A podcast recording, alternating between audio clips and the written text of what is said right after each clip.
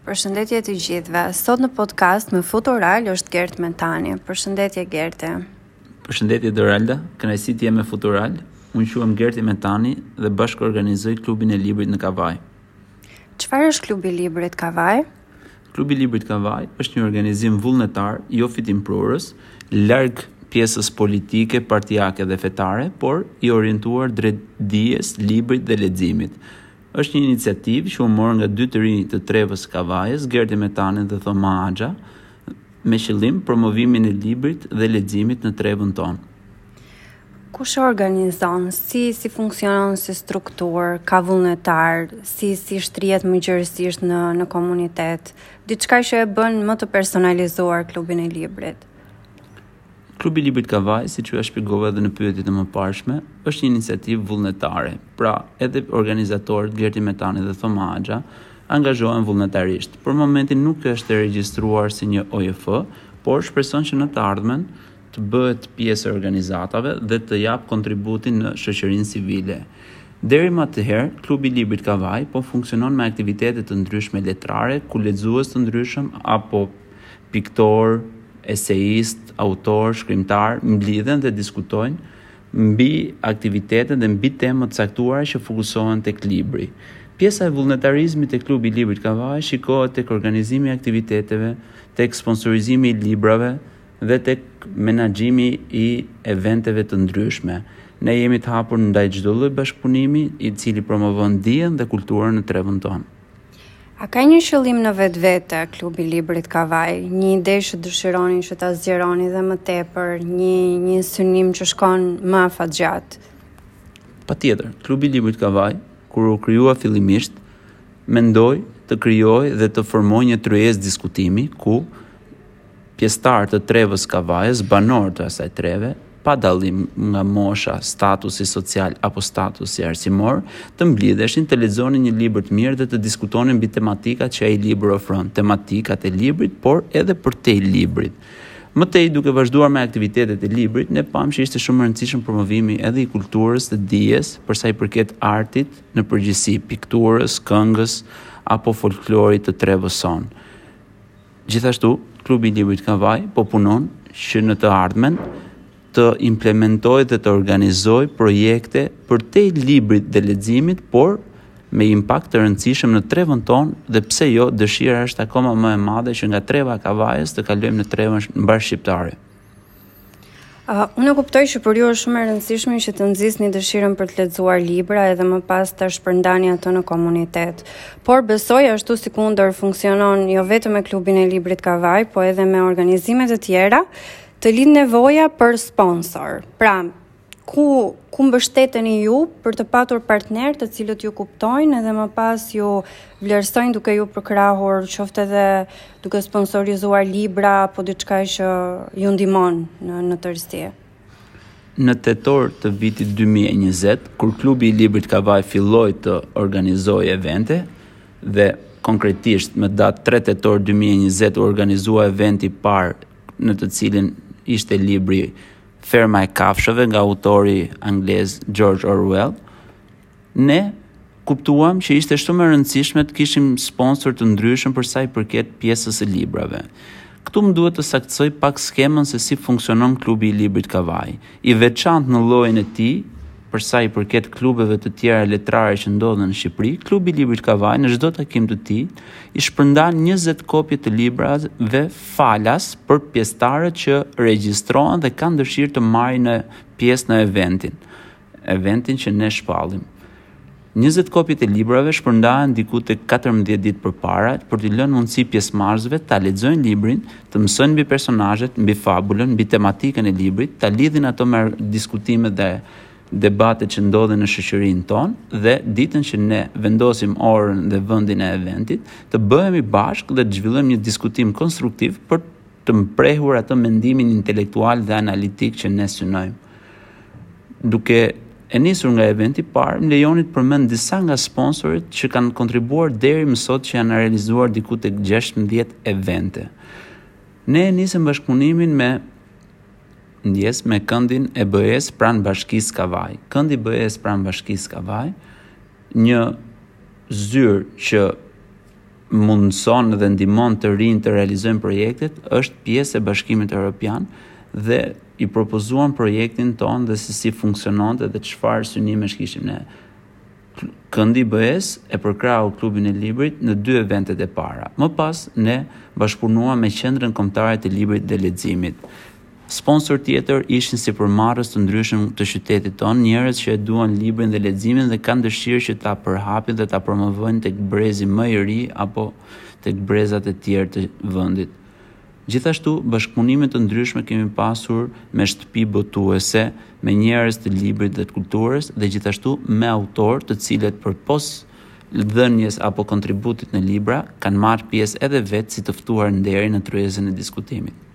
E drejtë. Unë në fakt përpara se të vazhdoj me pyetjen tjetër, do doja që të të sugjeroja tek dëgjuesit tanë që të futen tek faqja e Instagramit e Klubit të Librit Kavajë për të parë të ilustruara të gjitha aktivitetet, por edhe ndoshta për të kontribuar me ide, sepse asnjëherë nuk është mjaftueshëm dëshira për të kontribuar edhe për të dhënë për librin qoftë me me mendime, veprime apo aktivitete të cilat do zgjerojnë fokusin e tij. Por, ajo që mua më duket interesante dhe e shoh të, të reklamuar vazhdimisht në faqen tuaj është që ju bëni takime dhe me autorë.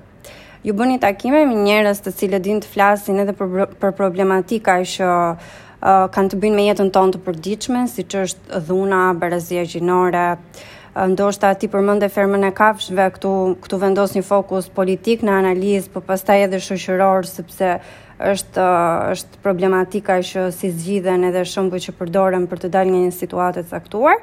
Megjithatë, unë do doja diçka që kur ne ta mbyllim podcastin, njerëzit të shkojnë dhe ta kërkojnë si aktivitet dhe ndoshta të të interesohen për të për të kontribuar ata në një formë që do jetë shumë uh, shumë rritëse edhe për klubin e librit Kavajë sepse mendoj që bashkëpunimet duhet të jenë një një çelës i fortë për suksesin tuaj. Faleminderit për pyetjen Doralda, shumë thelbësore për këtë përshkrim të KILK, Klubit të Librit Kavajë. Më lejoni ta nis me pjesën e parë të pyetjes, e cila ishte pjesa mbi mundësitë dhe mbi kontributin e pjesëmarrësve të ndryshëm. Ne kemi dy adresa zyrtare në Instagram dhe Facebook, duke qenë një organizim vullnetar, mundohemi t'i menaxhojmë më së miri dy adresat tona dhe aty publikojmë gjithçka.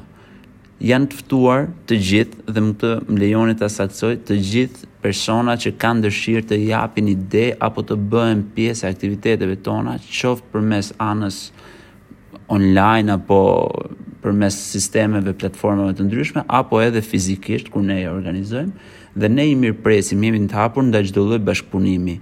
Këtu më lejoni të sjell disa bashkëpunime dhe disa qëllime që ne kemi në të ardhmen për shkëmbim të kulturës. Pra, Klubi i Librit Kavajë, siç e thamë, ishte një diskutim, një tryezë që flet mbi libra të ndryshëm me pjesëtarë nga treva e Kavajës. Por, Shqipëria është e vogël dhe ne nuk duam të veçohemi apo të izolohemi, dhe për këtë kemi menduar të krijojmë binjakëzimet. Binjakëzimet do të jenë tryeza diskutimi, siç ne i zhvillojmë në trevën tonë, por me lexues miks, pra disa lexues nga Kavaja mund të bashkohen me disa lexues të Pogradecit apo qyteteve të tjera dhe të zhvillojnë një diskutim mbi një libër të caktuar që do vendoset me kompromis dhe do shpërndahet sipas skemës që Kilka e aplikon në çdo rast.